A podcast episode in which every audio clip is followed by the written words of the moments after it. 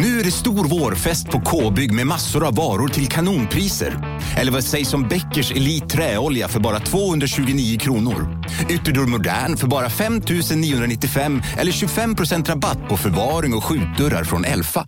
K-bygg. Bygghandeln med stort K. Ska några små tassar flytta in hos dig? Hos Trygg Hansa får din valp eller kattunge 25% rabatt på försäkringen första året. Läs mer och teckna djurförsäkringen på trygghansa.se. Trygg Hansa, trygghet för livet. Dåliga vibrationer är att skära av sig tummen i köket. Ja! Bra vibrationer är att du har en tumme till och kan scrolla vidare. Alla abonnemang för 20 kronor i månaden i fyra månader. Vimla! Mobiloperatören med bra vibrationer. Hej och välkomna till lucka tre i Kolla Svenskens julkalender. Eh, månaden december kör vi ju ett avsnitt om dagen mellan den första och den 24. Och jag vill börja med att säga tack till alla er som har gett er in på Patreon och eh, eh lö börjat lösa eh, situationen. Eh, det går ju toppen där inne och ni är superfina. Det är ju nämligen så att vi har eh, kollat runt och insett att efter nyår kommer vi bara kunna göra ett avsnitt i veckan, så som det var innan podd blev kul, va? Eh, om vi inte får in mer på Patreon. Men det kan ju ni lösa, därför kör vi en månadskampanj nu. Det är också så att vi har ändrat så att man ger per månad istället för per vecka på Patreon. Så om du var Patreon sen innan, så måste du gå in och eh, se, se, efter om du kanske vill höja upp lite, eftersom du nu ger eh, gånger fyra mindre än eh, vad du gjorde innan. Då. Eh, det är också så att det finns nya mål och nya nivåer, vad man får och vad vi kan uppnå ihop där inne. Så ge in på patreon.com snedstreck kolla svensken. Det, alla som gjort det är ju hjältar. Vill inte du bli en hjälte, så säg. Du ser, argument. Eh, jag, lös det nu. Eh, lucka 3 är MLS, och jag skickar över till mig, Jonte Tengvall och Johan Dykhoff. God lys!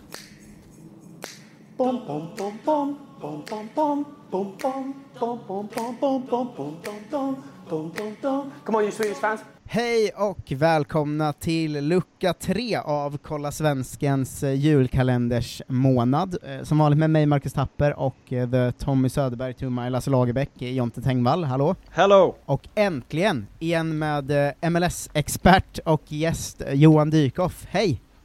Halloj, kul att vara med igen. Ja, kul att ha dig här igen. Vi, vi tittar ju in kanske så var nionde månad ganska regelbundet och kollar vad fan som pågår där borta. Precis, få en dos galenskap var nionde månad. Det är, en helt, det är en helt annan sorts galenskap som man uppskattar, liksom, till skillnad från det vanliga flödet man får. Eller hur?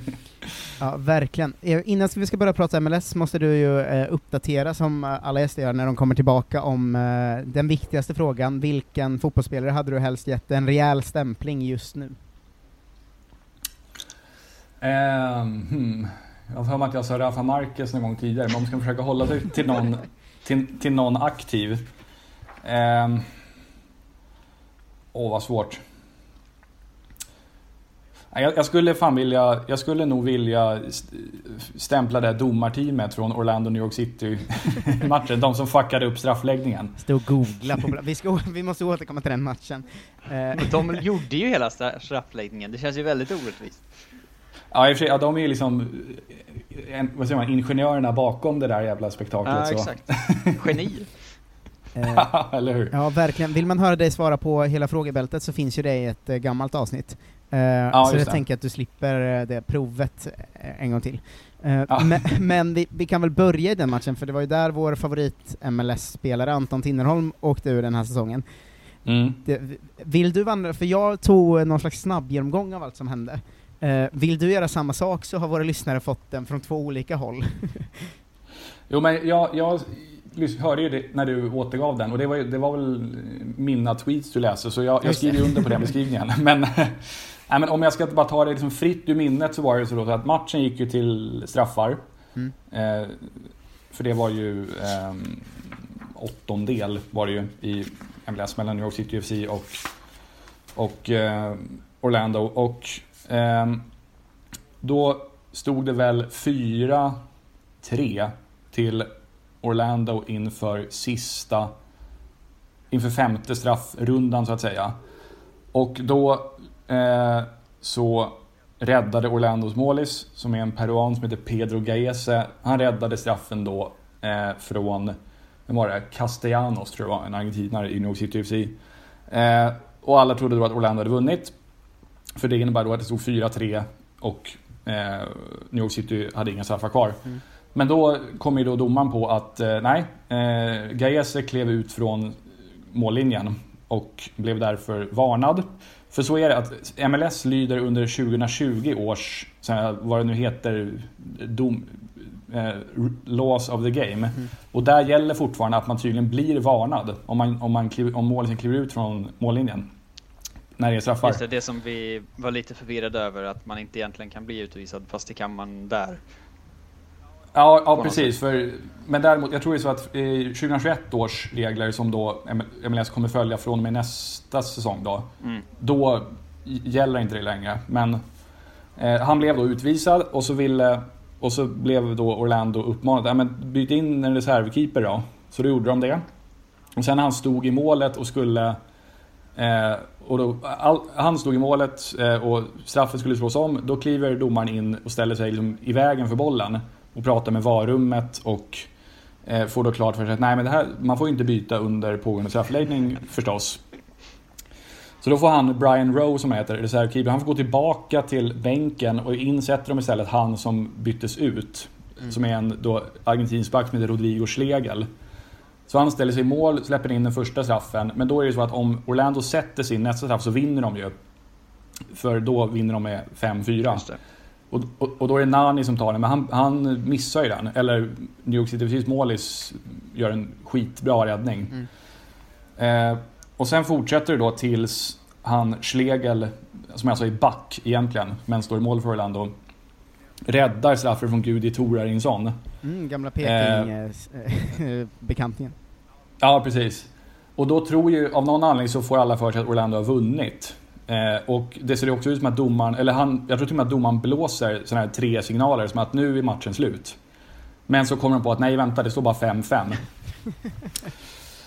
så då får ju då eh, en Orlando, då får de liksom avbryta firandet och så får en Orlando-kille kliva upp och skjuta då straffnummer, vad det är, 7 eller 8. Mm. Och han sätter den. Och så vinner Orlando till slut då. Är inte det typ här... Typ hela det här händelseförloppet det absolut sämsta som kunde hända MLS. Eh, för, för, att hela vinkeln alla hade på det, i alla fall på så Twitter och så, var ju med den här jävla pajasligan liksom. Eh, så att det känns som det här var inte välkommet i MLS, just den här jävla straffläggningen. Nej, alltså jag, jag förstår att man tycker så. Alltså det var ju, i och med att, jag, har no, jag har aldrig varit med om något liknande och i och med att folk redan har en, en sån bild av MLS så blev den blev ju inte mindre, mindre cementerad direkt. Å andra sidan har det har ju hänt knasiga grejer i andra, li, i andra ligor också. Typ där, där i Bundesliga där det var, domaren hade blåst av för halvtid och sen fick kalla in spelarna igen för att det skulle slås som straff eller vad fan det var. Så. Ja, det hände ju i Premier League när United spelade också Ja det var så, ja. ja nej, nej men det var just att med MLS så vill alla så snabbt dra, men vad fan är det här för ligakortet? Så att varje ja. gång något sånt här händer känner man ju bara såhär, nej! Precis, precis. Ja, nej, men jag, jag, jag suckade väl lite för mig själv och tyckte fan nu blir det liksom en... Nu kommer ju folk ha en field day på Twitter här och, och skoja friskt om att MLS är en jävla pajasliga och så blev det ju också, tyvärr. Ja, det, det, det är tungt, men eh, om vi ska backa, backa bandet till eh, i början av säsongen då, eh, mm. och gå igenom lite svenskarna som finns där. Eh, mm. Vi har väl sex stycken va, om jag minns rätt, från Svenskkollen. Eh, jag fick det till sju om man räknar med Magnus Eriksson, som bara spelar halva säsongen. Ja just det, men då räknar jag inte med han, för vi brukar ju eh, inte nämna honom längre. Men, Nej, just det. eh, men hur, hur har de skött sig i år, och vilka spelar av dem? Eh, alltså de flesta har ändå varit, om man tänker, de som varit liksom helt ordinarie är ju Anton Tinnerholm, Adam Lundqvist, Robin Jansson. Mm. Sen har Tom Pettersson har varit lite in och ut startelvan i princip hela säsongen. Gustav Svensson har väl i princip spelat när han varit tillgänglig, men han har varit borta en del på landslagsspel och då har det varit så karantänsregler mm. när han har kommit tillbaka. Så han har missat mycket matcher på grund av det. Mm. Och så han hade någon skada i början också. Axel Sjöberg har bara spelat två matcher. Eh, och är liksom tyvärr eh, en, jag ska inte säga att han är dålig, men han är, han är en skugga av sin forna status i MLS, vilket är jävligt trist. Mm. Hur gammal är han? Och man, han fyller 30 nästa år. Ja, Okej, okay, så han är inte eh, liksom på väg ut på det sättet? Nej, alltså, nej, han borde ha några bra, några bra år kvar, men nej, nu, nu börjar det bli ett tag sedan han hade någon särskilt bra. Så det var 2016 han kom med i årets lag tror jag. Mm. Mm. Men sen dess har det tyvärr gått ut för då. Det är trist. Jag har intervjuat honom flera gånger och är en jävligt trevlig och vettig snubbe men sportligt har det inte varit några bra säsonger för honom på sistone. No. Det känns, uh, har jag fel bild då, eller känns det som att det varit, kanske Tinnerholm borträknat, en ganska svag svensk säsong i MLS eller? Robin Jansson har faktiskt, han, han har varit bra, det måste mm. man säga. Och han har fått vä väldigt bra han verkar otroligt uppskattad bland fansen för att han är liksom, jag menar, Swedish Viking-grejen. Det har de ju anammat förstås. Eh, men Adam Lundqvist, det var han, det var där, han har för spelat mycket. Jag tror han spelar flest minuter av alla i laget förutom målisen. Mm. Eh, men ganska slätstruken säsong. Tom Pettersson har varit in och ut i ett väldigt dåligt lag. Eh, Gustav Svensson som sagt har inte spelat så värst mycket och Mange Eriksson, han, ju, han spelade bara fem matcher innan han lämnade. Så, nej, in, inte det bästa svenska året i MLS historia direkt. Nej, hur högt skulle du säga att man liksom, jag tror vi pratade om det för typ två år sedan, att ändå svenskarna var eh, såhär, ganska uppskattade efter några, såhär, då var ju Zlatan där också, men att det var liksom några mm. som eh, köttade på rätt bra då. Hur, hur högt skulle du säga att man håller svenska spelare i, i MLS-fotbollen nu? Liksom? Um, jo men alltså, då, om man tänker de som ändå är ordinarie, de är ju, alltså jag skulle absolut säga att de har högt, högt anseende. Alltså med Tinneholm, han, han är ju extremt, han har ju extremt hög status. Får, kommer liksom högt på Alltså nu, i år var det ju många experter som ville att han skulle nomineras till Defender of the Year och komma med i årets lag och sådär. Tyvärr brukar ju eh, ytterbackar brukar ha väldigt, väldigt svårt att komma med där. Jag blev rasande. Eh, ja, men, och det, det, var du inte ensam om. Du hade medhåll från, från flera MLS-experter. Eh, men som sagt, det, det, var tre mittbackar som var nominerade till Defender of the Year och de kom också med i årets lag. De kör 3-4-3 ställer de upp med i årets lag. Väldigt MLS. härligt amerikanskt. Eh, nej men, för jag tänker så här. Eh, vissa ligor, vissa nationaliteter har man ju en sån Alltså jag vet att det börjar sätta sig nu till exempel att om ett ryskt lag värvar en svensk så blir det lite pepp typ, för att det varit många bra i rad. Eh, så om vi säger att ett MLS-lag värvar en allsvensk spelare, bryr de sig då, eller är det liksom en sån oh, här kommer en svensk? Nej, det skulle, det skulle jag kanske inte påstå. Sen, sen kan det ju vara så att han kanske, alltså om, man, om man fyller en väldigt uppenbar lucka i laget, då, då kan det bli lite hype sådär. Ja men åh, äntligen har vi en, en bra vänsterback, eller äntligen har vi liksom en, en kille som verkar kunna göra mål eller sådär. Då, det är klart att då, eh, då blir det väl lite, eh, då blir det liksom lite, lite extra uppsnackat sådär. Men kanske inte generellt att det, att det är svenskt sådär. Nej, det skulle jag nog in, inte direkt på. Så där, det är mer om det är mexikaner eller så på grund av att det är massa mexikaner som bor i USA eller om det är någon brassar i Orlando är väl en sån här grej. För det, tydligen är det, av skäl som jag aldrig riktigt förstått, så är det extremt mycket brasilianska in, eh, invandrare i Orlando. Mm. Så där, där blir brassar en stor grej. Men just svenskar, nej, det, det är lite så här. Det var Kaká som var första. Där. ja, och, och Julio Baptista var oh. där en säsong också. Mäktigt. Och eh, Pedro Ribeiro som nu spelar i Västerås SK samtidigt. Så det är lite bland, bland, blandade Vissa nivåer gick uppåt efter MLS, andra lav. Ju... Ja, eller hur? Eh, jag tänkte på, jag tror att du svarat även på det alla gånger fast det varit olika svar alltid, men vilka mm. allsvenska spelare skulle du vilja se i, eller tror du skulle pa passa in i MLS eh, just nu? Hmm. Alltså en som jag som var väldigt bra. Alltså, Haksabanovic har jag tänkt, men nu är han förmodligen alldeles för dyr. Jag tror också eh. att han eh, är lite för bra slash ung för att själv vilja gå till MLS. Ja, jo men han, han siktar nog, han siktar nog högre än så, misstänker jag. Eh, men vad har vi för några som skulle kunna göra bra ifrån sig där? Men så Alexander Fransson är väl ganska bra ålder. Mm. Kanske inte har varit sådär dunderbra just det här året men... Skulle kunna ta ett sista liksom äventyr och lite fetare lön än i Allsvenskan, absolut. Ja men pre precis. Eh, Malmö måste ju finnas Ja, men så här Christiansen hade ju varit jävligt bra förstås i, i MLS. Mm. Så här Kiese Thelin som ju är liksom i frysboxen i sitt, vad är det han är, Anderlecht är han kontraterad va? Ja exakt, och det är väl ganska klart att Malmö inte kommer ha råd att köpa loss honom va? Ja, ja men precis. Nej, men så kanske no, no, generellt sådana där, alltså som, liksom, sådana som sitter lite dåligt, spelare generellt som sitter lite dåligt till med sina klubbar och som är utlånade. Det, det tycker jag är ganska nice när MLS-lagen plockar, särskilt om de är i bra ålder sådär. Mm. Om det är någon 24-åring som tillhör något hyfsat Premier League-lag men som, liksom, som man vet att han kommer ju aldrig få spela. Mm. Eh, och som därför varit utlånad två år i rad. Och så, och så, men då, då kommer liksom, och så, om då liksom Dallas eller eh, Cincinnati kan komma in och plocka dem. Det tycker jag är skit, skithärligt i sådana fall. Eh, om, om de kan göra sånt. Om det aldrig eh, blir så, något i Everton, kanske Robin Olsen då? Hade inte ja, det varit otroligt? Var, varför inte? Det är, och nu, nu, nu är det mycket nu när det kommer in massa lag till Austin kommer ju nästa år, de ska ju bygga en helt ny, en hel trupp liksom. Mm. Fan, de, de, kan väl göra bra mycket, de kan väl, det finns väl sämre mål än Robin Olsson att plocka in. Verkligen. Jag funderade på det, för jag startade någon eh, FM-save med New York City i slutet på FM20 när jag bara klickade runt på lite olika. Eh, mm. Och då verkade det som att de så här nya expansionslagen fick ta några av mina spelare i början av säsongen. Är det så på ja. riktigt? Hur funkar det? det så, ja, precis. Expansion draft kallas det.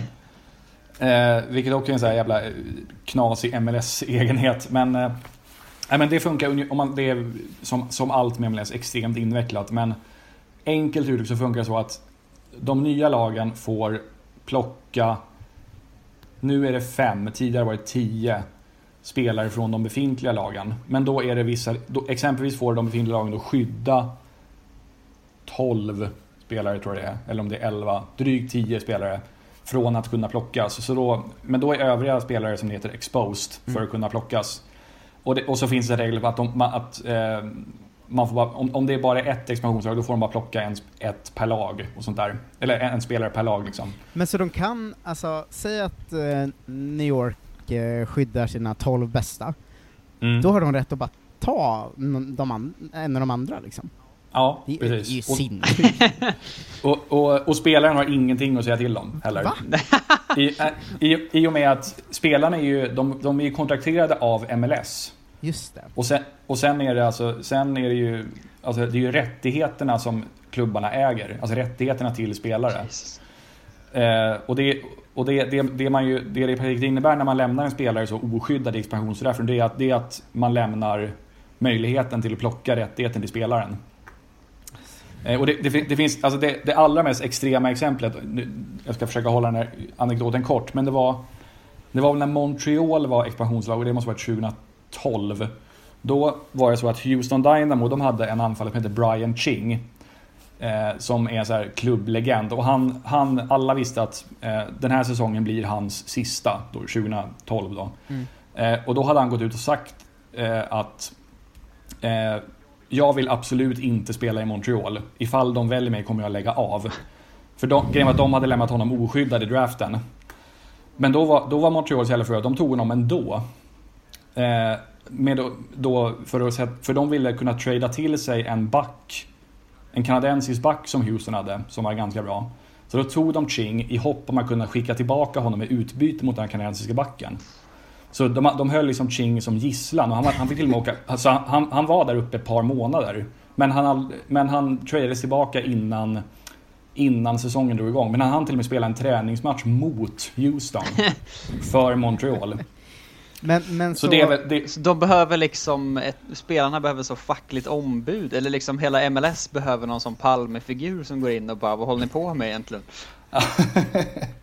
det har ju blivit, alltså det har blivit lite mer på spelarnas villkor under, jag har ju följt ligan sedan 2009 och sedan dess har det har kommit lite mer sånt där som gör ändå spelarnas trygghet något större. Ja. Men, men, men, men, det där finns kvar fortfarande. Och sen är det även ofta så i expansionsdraften just att lagen plockar spelare men sen tradar de direkt de vidare till ett annat lag i utbyte mot pengar exempelvis. Mm. Så exempelvis var det så när Cincinnati var expansionslag. Då plockade de en anfallare från Vancouver och skickade honom direkt till Colorado i utbyte mot, det var väl pengar och något draftval eller något sånt där. Men det kan alltså ändå vara så om typ Alaska skulle skaffa ett lag. Att du kan ha så drömmen att liksom bo i New York eller LA eller vad så här. Många har ju liksom det som sin stora livsdröm, och så har de hamnat där, och sen Ja. så blir det så, telefonen ringer, hör du på planet, du bor i Alaska nu. Det, Ja, men det är precis, precis, precis så är det. så Och, och, det är då, det, det, så det, och det är då dels i den här expansionsdraften, men sen kan det också bli som en vanlig trade under säsongen. Att, nej fan, eh, vi behöver lite stålar eller vi behöver en målis, så vi har tradat dig vi har tradat dig till andra sidan kontinenten. Liksom. Det är bara packa och dra. Du ska, ska träna imorgon klockan nio med ditt nya lag. Ja, det är verkligen, eh, det är verkligen galet att det kan gå till så på något sätt alltså. Ja, nej alltså i, eh, med, om man jämför med hur det är i Europa så är det ju, det är ju smått otroligt att spelare faktiskt går med på det överhuvudtaget. Men fick ett spelare det här när de flyttar dit? Alltså jag tänker så, om man, om man är så, de hör av sig från eh, New York City FC och så är det så, du kommer spela hos oss, det blir toppen, fast eh, egentligen så spelar du inte för oss, eh, men det skiter vi i. Alltså jag hoppas det. Och ibland så kan, om det är stora stjärnor, då kan det hända att de skriver in sådana här no trade clauses Ja. i, i kontrakten. Mm. Som, alltså, i, jag antar, det finns väl egentligen fortfarande möjligheten att de skulle kunna trada spelaren i fråga, men då har liksom klubben och spelaren kommit överens om att nej men vi, vi, fan, vi tradar inte dig, du, du får bo i, i New York hela kontraktstiden. Det, vi kommer inte skicka dig till Vancouver eller så. Det hade varit otroligt om LA skickade Zlatan till, till Vancouver. Till Cincinnati eller något sånt. Ja. Nej men för jag vet, det kan ju också vara åt andra hållet att, eh, jag har ju en så här kompis som lirar i NHL, och hans Mm. tjej pratar ju ofta om det, för de bor i Ottawa, att så här, kan han inte bara bli tradad till något varmt lag? För att då helt plötsligt får de liksom boende ja, i Florida eller något istället liksom för att det ska vara minus 38. Så man kan ju också, man kan ju få lyxen åt andra hållet också. Eh, såklart. Det är en bra, kanske en bra liksom karriärväg att gå in i ett sånt riktigt skitlag och bara hoppas på att få flyttas runt till bra ställen. Ja just det, särskilt om man är lite savvy och vet att men, ja, ja okej men jag, jag, jag är ju vänsterback och nu spelar jag i Cincinnati först men jag vet ju att Miami behöver en spelare på min position. Precis. Och kan, Eller så tar man liksom, man räcker upp handen när de ska byta en mot något sorts draftval eller någonting. Men jag kan gå åt andra hållet, det är lugnt. Jag offrar mig grabbar. det var ju, det var ju en, när var det?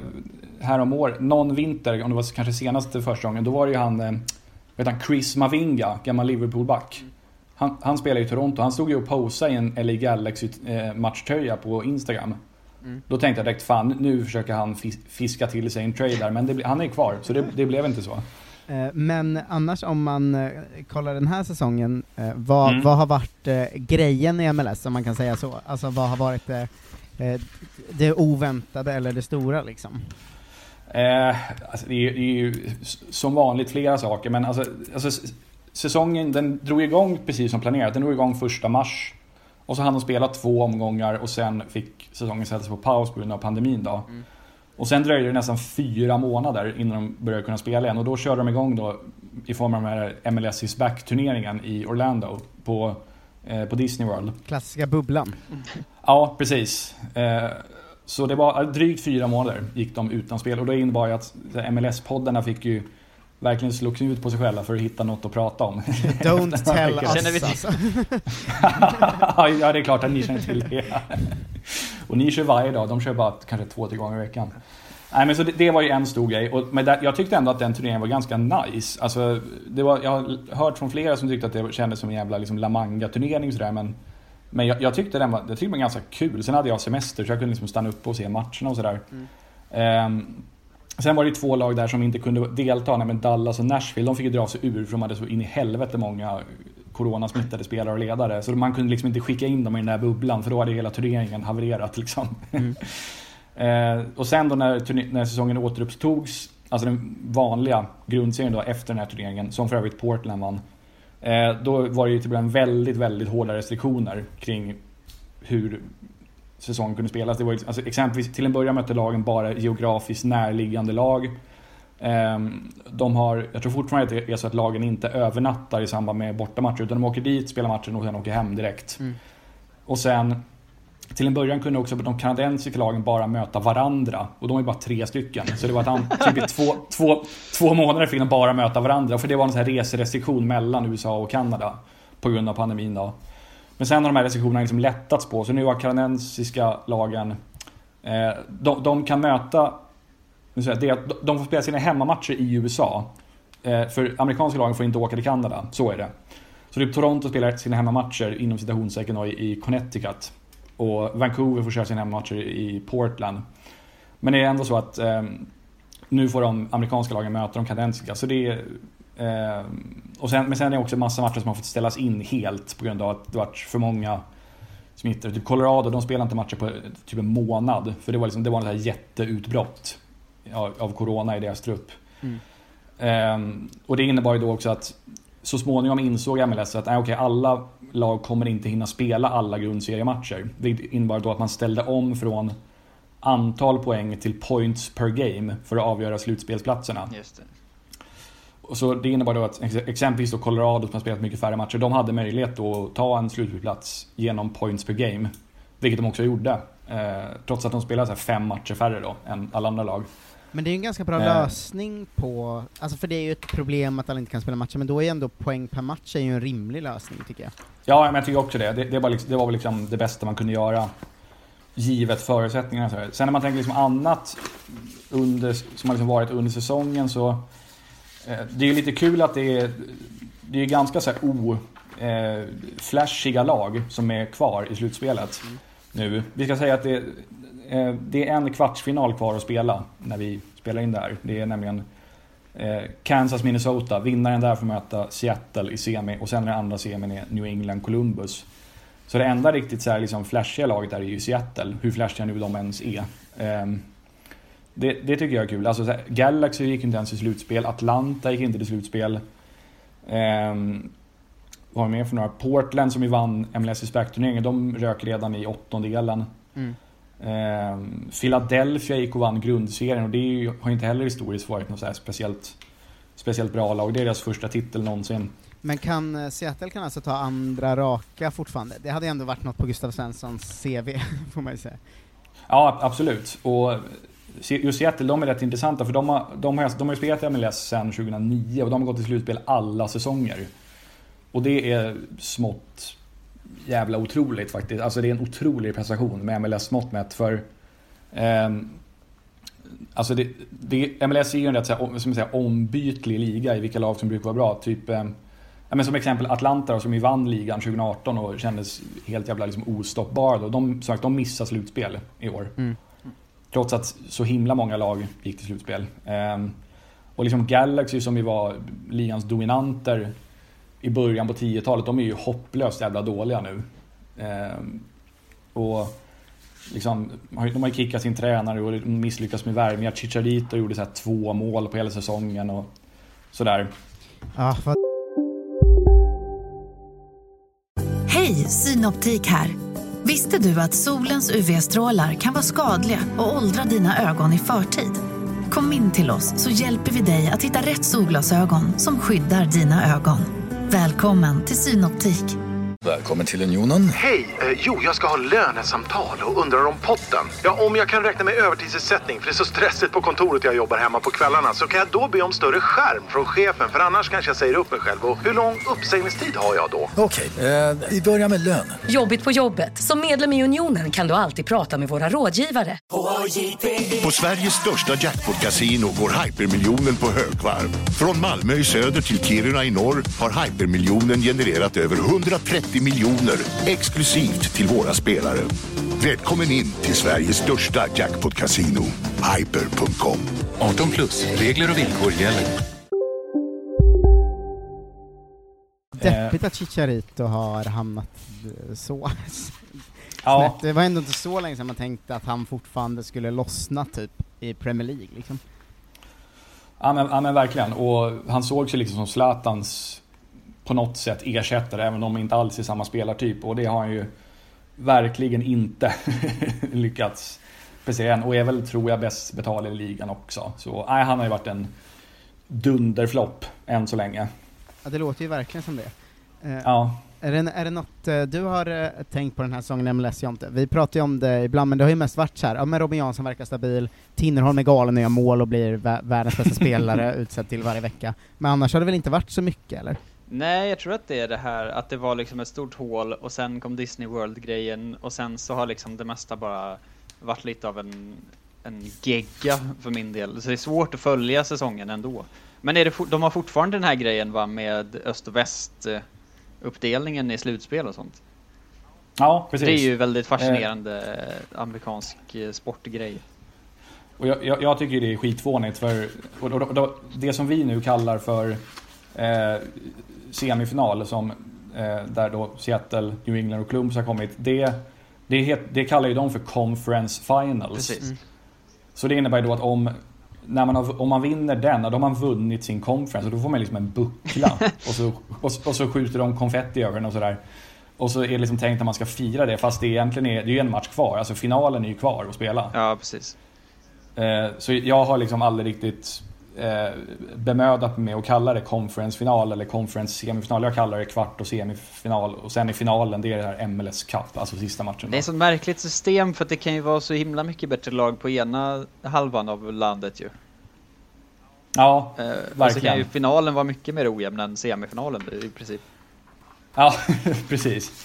Ja, men, och, och, precis, och så blir det att eh, det är något så här, ganska halvdassigt lag från ena konferensen som har avancerat bara för att ja, Ja, men exakt. det, var ett ganska, det var ett ganska dåligt år för Eastern. Liksom.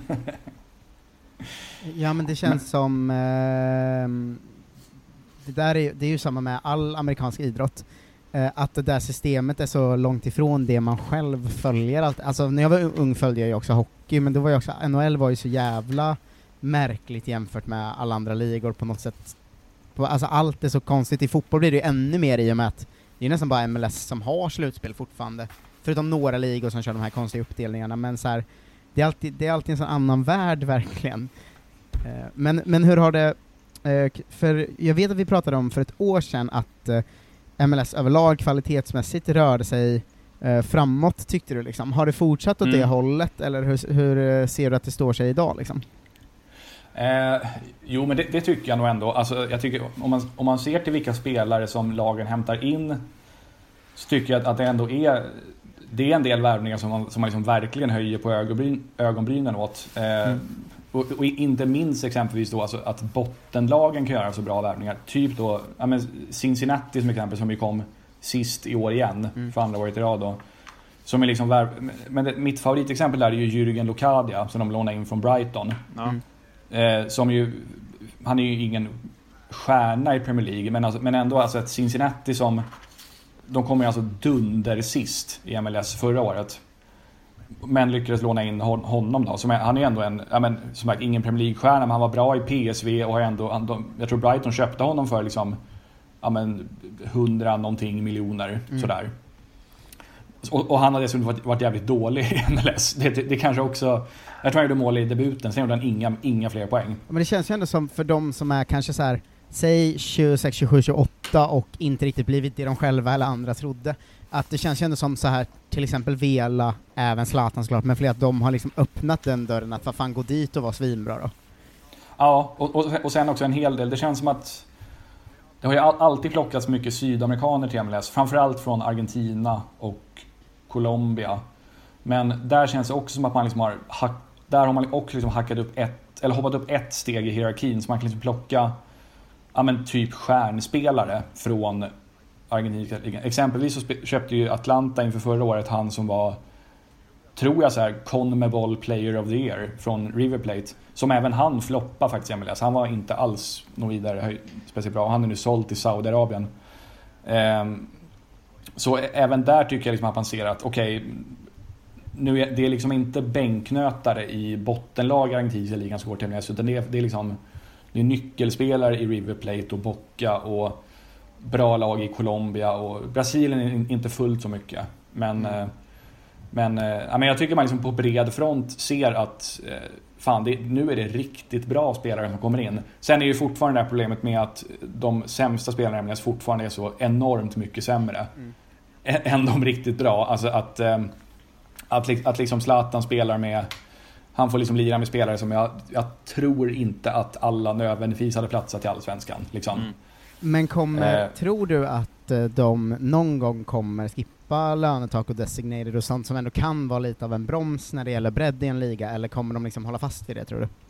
Ja, Jag, jag tror att de i någon form alltid kommer hålla fast vid det.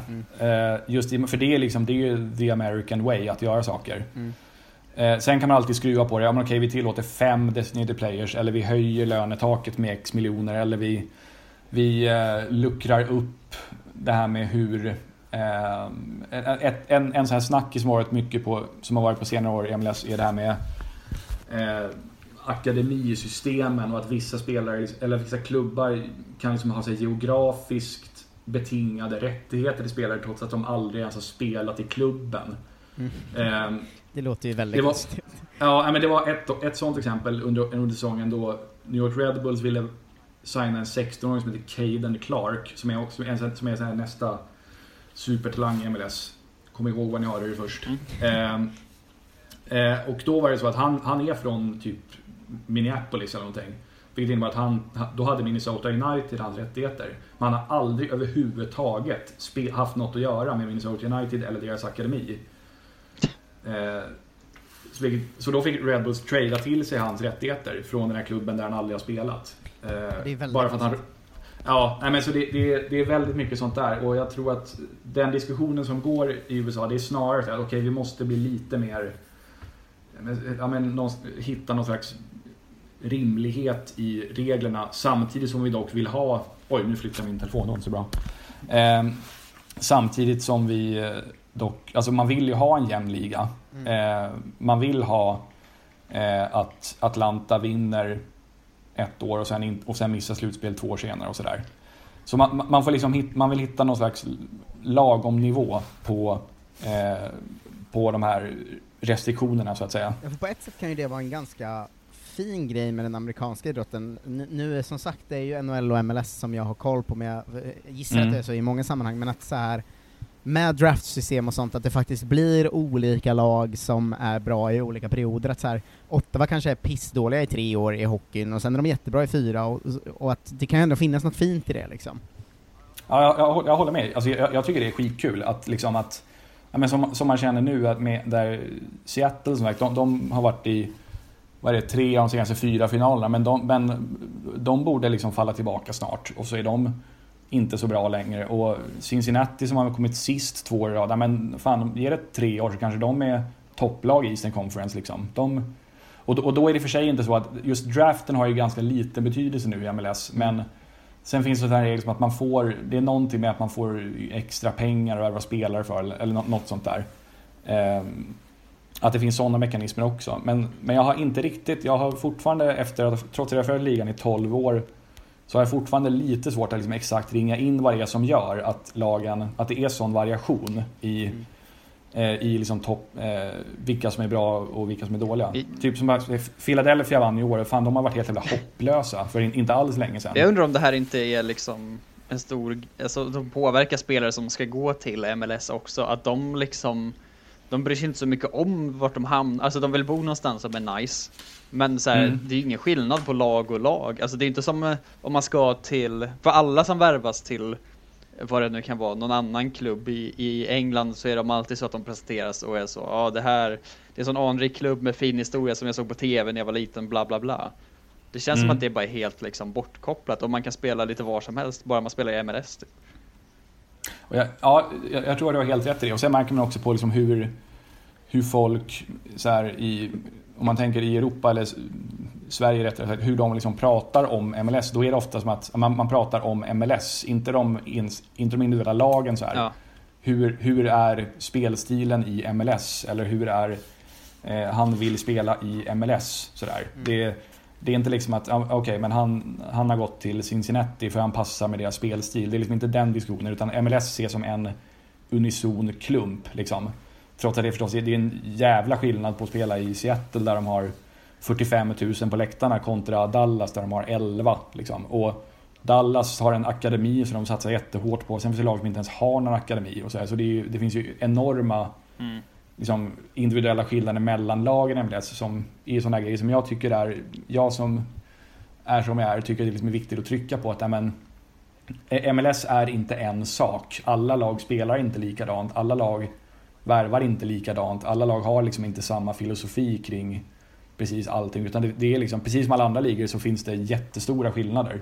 Det är ju sant, men, men, nu har vi också precis idag fått lära oss att man går ju ändå till MLS. Det är ändå MLS som äger spe spelarna, så det är ju liksom ja. ändå korrekt på något konstigt sätt. Ja, det, det har du för rätt i. Men jag vill också eh, slänga ut en liten bastning till Anton Tinnerholm, som när han var med här pratade ju ganska mycket om MLS som koncept liksom. Mm. Eh, att mm. Så här, det är en annan typ av spel här och bla bla bla. Så jag, jag har också hört många spelare som också, för jag fattar också att det är felaktigt, för att när jag har kollat på MLS, alltså det är ju väldigt olika matcher beroende på vilka lag jag har sett, så jag håller ju med mm. dig, men spelarna borde vara bättre på att motverka den nidbilden liksom. Ja, och jag undrar vad det är, alltså jag, jag köper det till viss del att eh, Å andra sidan så brukar också spelarna få, alltså de får ju den typen av frågor så här. Det är sant alltså, kanske att man själv vinklar det så när man frågar ja. Ja, det, det, är, det är sällan de får frågan hur är det att spela mot Real Salt Lake? Liksom. eller eller vad, vad, tycker du egentligen om pressspelet i Nashville? Liksom? Mm. Det, det, det, är sällan, och det kan jag förstå för det är väl ingen människa som bryr sig om det i Sverige, utom möjligen jag. Men, men, eh, men det, det blir, ofta blir det ju så här väldigt, alltså när, när spelare håller till i lite så exotiska länder, vilket man får på säga att USA kan det där, att då blir frågan ofta lite så svepande. Ja, men hur är ligan då? Liksom. Mm. Ja, men det måste ju vara eh. samma som det om man spelar i Japan eller någonting också, tänker jag. Ja, men liksom... exakt, precis så. Precis så. Man, och det, vilket är fullt förståeligt. Alltså man, jag, jag förstår att om, om liksom, eh, fan vet jag, Gusten Dahlin intervjuar Tom Pettersson, mm. då, då kanske han, och inget ont om Gusten, han är jätteduktig, men han, han kanske inte har sån järnkoll på MLS att han och lyssnarna inte heller, att de är inte så intresserade av att höra hur bra inlägg deras högerback slår. Ja, nej, eller, eller hur konkurrenssituationen är mellan Kansas målvakter. Eller sådär. Men eh, hur är skillnaden, alltså eh, fotbollsjournalistiken i USA angående MLS? Uh, för du, jag vet att du lyssnar på en eh, poddar och sånt därifrån. Är de, mm. är de också lite sämre pålästa om att det inte är den största sporten i det landet, inte ens nära, eller uh, håller de ändå hög nivå liksom?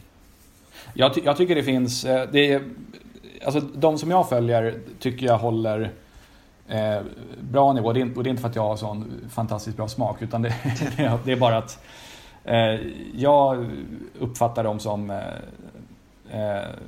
kunniga och såväl liksom, alltså, kan jag säga, taktiska analyser och de har koll på transferrykten och koll på vilka värvningar som har varit bra respektive dåliga och sådär. Och sen, sen finns sen, eh, och även bra koll på liksom europeisk fotboll, även om jag, jag är otroligt ointresserad av att höra amerikaner prata om europeisk, europeisk fotboll.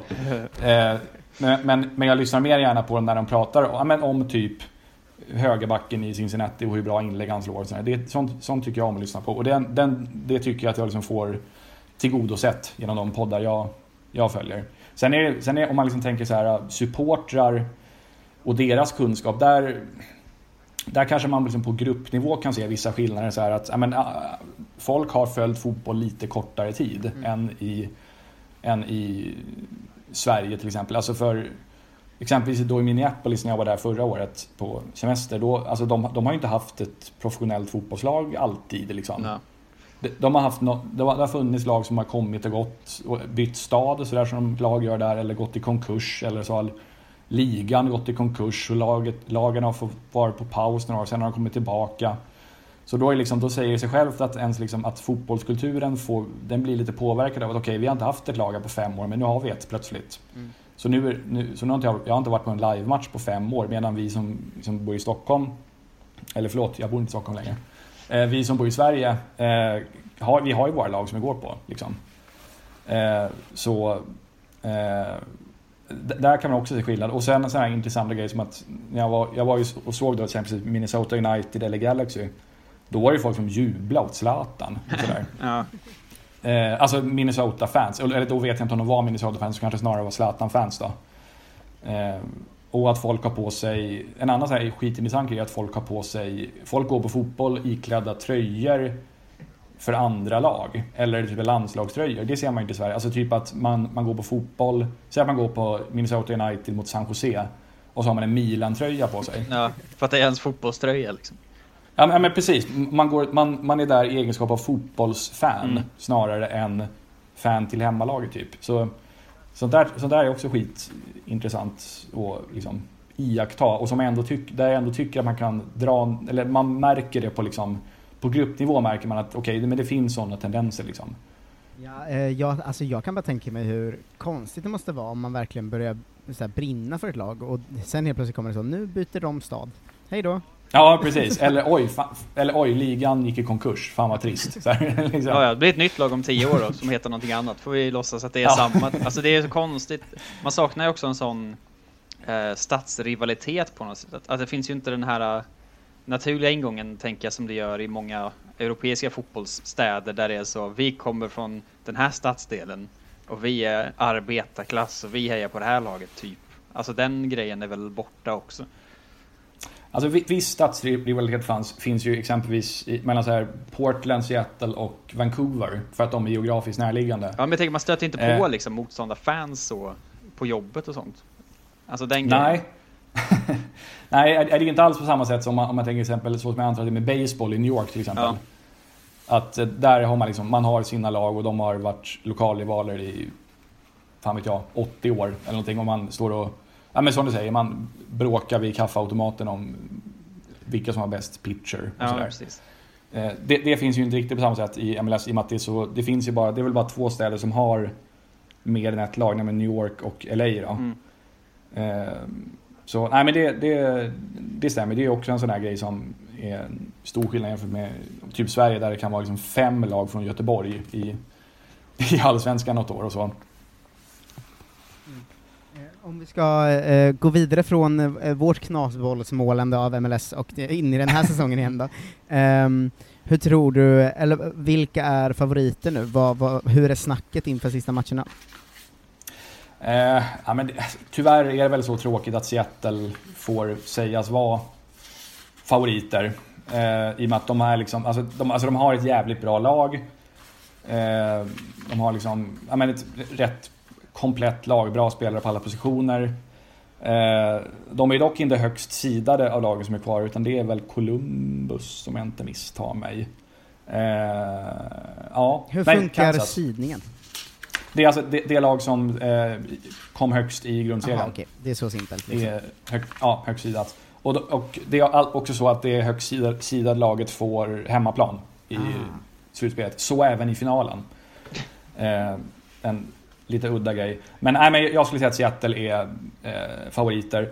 Och de får ju då möta antingen Kansas eller Minnesota i sin semi. Och ja, om Kansas vinner, om Kansas går dit, då får Kansas hemmaplan och så får Seattle köra borta. Men om Minnesota går vidare så får Seattle hemmaplan. Och då blir det antingen då New England eller Columbus i sem, eller i finalen då, för de är i andra semin. Eh, jag gillar ju Columbus. De har varit väldigt bra i år och jag trodde på dem redan inför säsongen. Jag tycker de har också ett, likt Seattle, väldigt ja, men, bra lag genomgående. Eh, känns som att de liksom, eh, och bra tränare, känns liksom som ett stabilt lag som kan leverera när det gäller. Eh, så jag, jag har sedan tidigare tippat Seattle-Columbus i final. Mm. Eh, och jag tror, det känns som att oavsett vilka Seattle får möta i sin semi, så om det blir Kansas eller Minnesota så borde de ha rätt bra chans att vinna, tycker jag.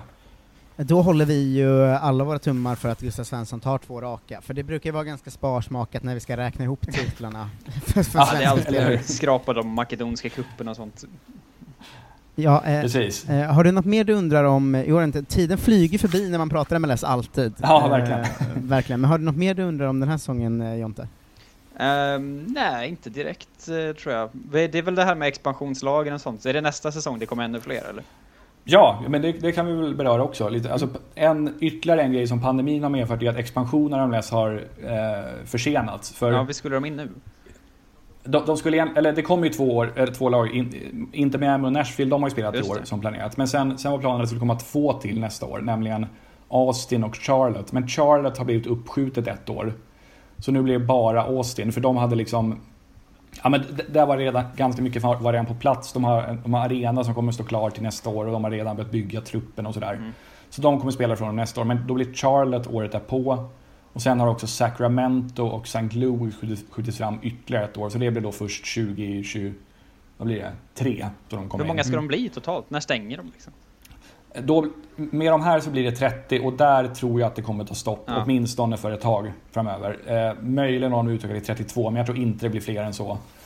Eh, och jag tycker redan att de är för många. Jag tycker redan att det är svårt att hålla, hålla reda på alla lag. Så för min del får de gärna stanna vid 30. Och det är, för lite känns det också som att okej men en liga på 30 lag, hur, hur bra kommer egentligen bottenlagen vara då till exempel? Ja, nej.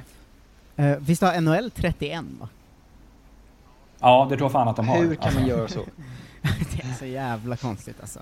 Eh, men för att... Men MLS, ja, men MLS har ju ojämnt antal lag till och från liksom. Eh, nu är de 20, vad är de? 26, men de har varit liksom 15 och 19 och 21 lag och sådär under mina år som entusiast. Så, Ja. Och det, det är lite orent. Det gör ju att det blir olika, olika många lag från respektive conference både i slutspel och sådär. Så jag vill ha det jämnt och bra. Och sen när de är 30 lag så tror jag att de kommer ändra till att de kör en Eastern, Western och Central Mm. Conference också. Mm. Med 10 varje. Det skulle väl bli liksom eh, jämnt och bra, tänker jag. Eh, vilka kanadensiska lag eh, är det av de här 30? Alltså är det bara, kommer det bara vara tre? Ja, jag har, det finns i- inga, ingenting som tyder på att det blir fler. För det, nu är det Toronto, Vancouver och eh, Montreal. Men det är konstigt Montreal att Ottawa inte har något. Ja, alltså de har ett lag i USL, eh, Atletico Ottawa, som jag tror, är det, som jag tror ägs av Atletico Madrid. Ah, Skitluddigt. Eh, och äh, men i och med att det är inget av de här fyra klara expansionslagen är från Kanada, så jag tror inte det blir fler. Så då blir det tre, tre lag av 30 kommer vara från men Kanada. hur ska de lösa slutspelet om det är tre divisioner? Eh, De kan inte spela liksom öst mot väst-träd och sen mötas i en final då ju. Nej, det var en jävligt bra fråga. Det har jag, inte tänkt, det har jag faktiskt inte tänkt på. Det blir en Eh, riktigt avancerad liksom eh, uträkning på hur man ska Men liksom bygga upp är ju det. uppdelad i fyra, att Eastern har ju två. Alltså Har Atlantic inte, de, och... har inte de tre? Alltså sex stycken totalt? Nej, de har väl Atlantic, Metropolitan, Central och Pacific. Gud. Tror jag. Att jag. Om jag minns rätt i alla fall, så tror jag att Eastern har två och Western har två. Men visst tävlar de bara East mot West i alla fall va? I Ja, till slutspelet? slut i slutspelet ja. Ja.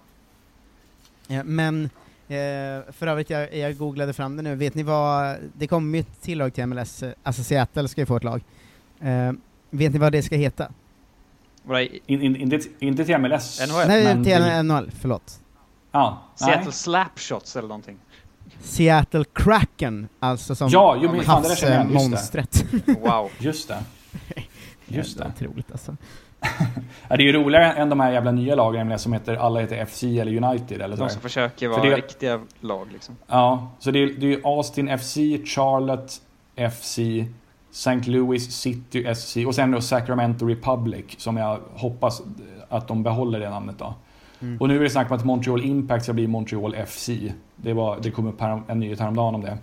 Vilket jag, jag tycker det är så... Jag, alltså jag fattar inte hur man kan liksom känna att jo men det här, det här blir en bra förändring. Vi fimpar vår liksom ändå något slags identitet och så blir vi bara helt så här, ett så här generiskt FC eller United eller så. Jag, jag, jag kan faktiskt inte begripa det. Alltså jag kan Eh, begripa det annars, men inte om man spelar MLS. Då är hela grejen att man ska ha galen, eh, galet namn också. Ja. Som, och ju, ju, som jag vet att Anton Magnusson, eh, komikern, har ett skämt om det, men hur det är sinnessjukt är att det faktiskt är ett NHL-lag som heter Predators. ja. det är ju liksom en del av hela grejen också. Ja, vad har de? Ja men precis. Vad har men så här, Earthquakes heter ju San Jose MLS. Det är ju... Ja, det är En fantastiskt. Alltså, en naturkatastrof. Ja, precis. Det är som är så här, pest eller svält eller något sånt där. Örebropesten. Eh, ja, men det är, det är alltid ett jävla, eh, ett jävla nöje att snacka om det. Men ska vi eh, snacka mer expansion och mer nästa säsong inför? För nu blir det inte så långt mellan säsongerna heller va?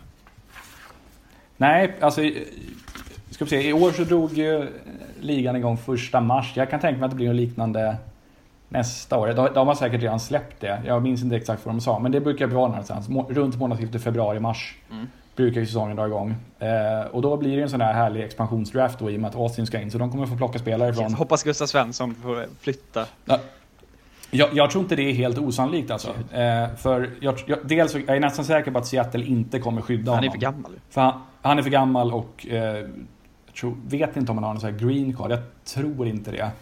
Eh, så han, han och eh, vad säger, expansionslag brukar gilla att ta sådana här lite äldre och beprövade MLS-spelare. Ja. Så det, det, det, är inte helt osannolikt. Alltså sen, sen får, han kanske absolut vill hem till Göteborg så han kanske äh. han, kanske, han kanske skiter i att Austin plockar, så att ja, ta mina rättigheter men jag tänker gå till Blåvitt. Det kan ju faktiskt bli så.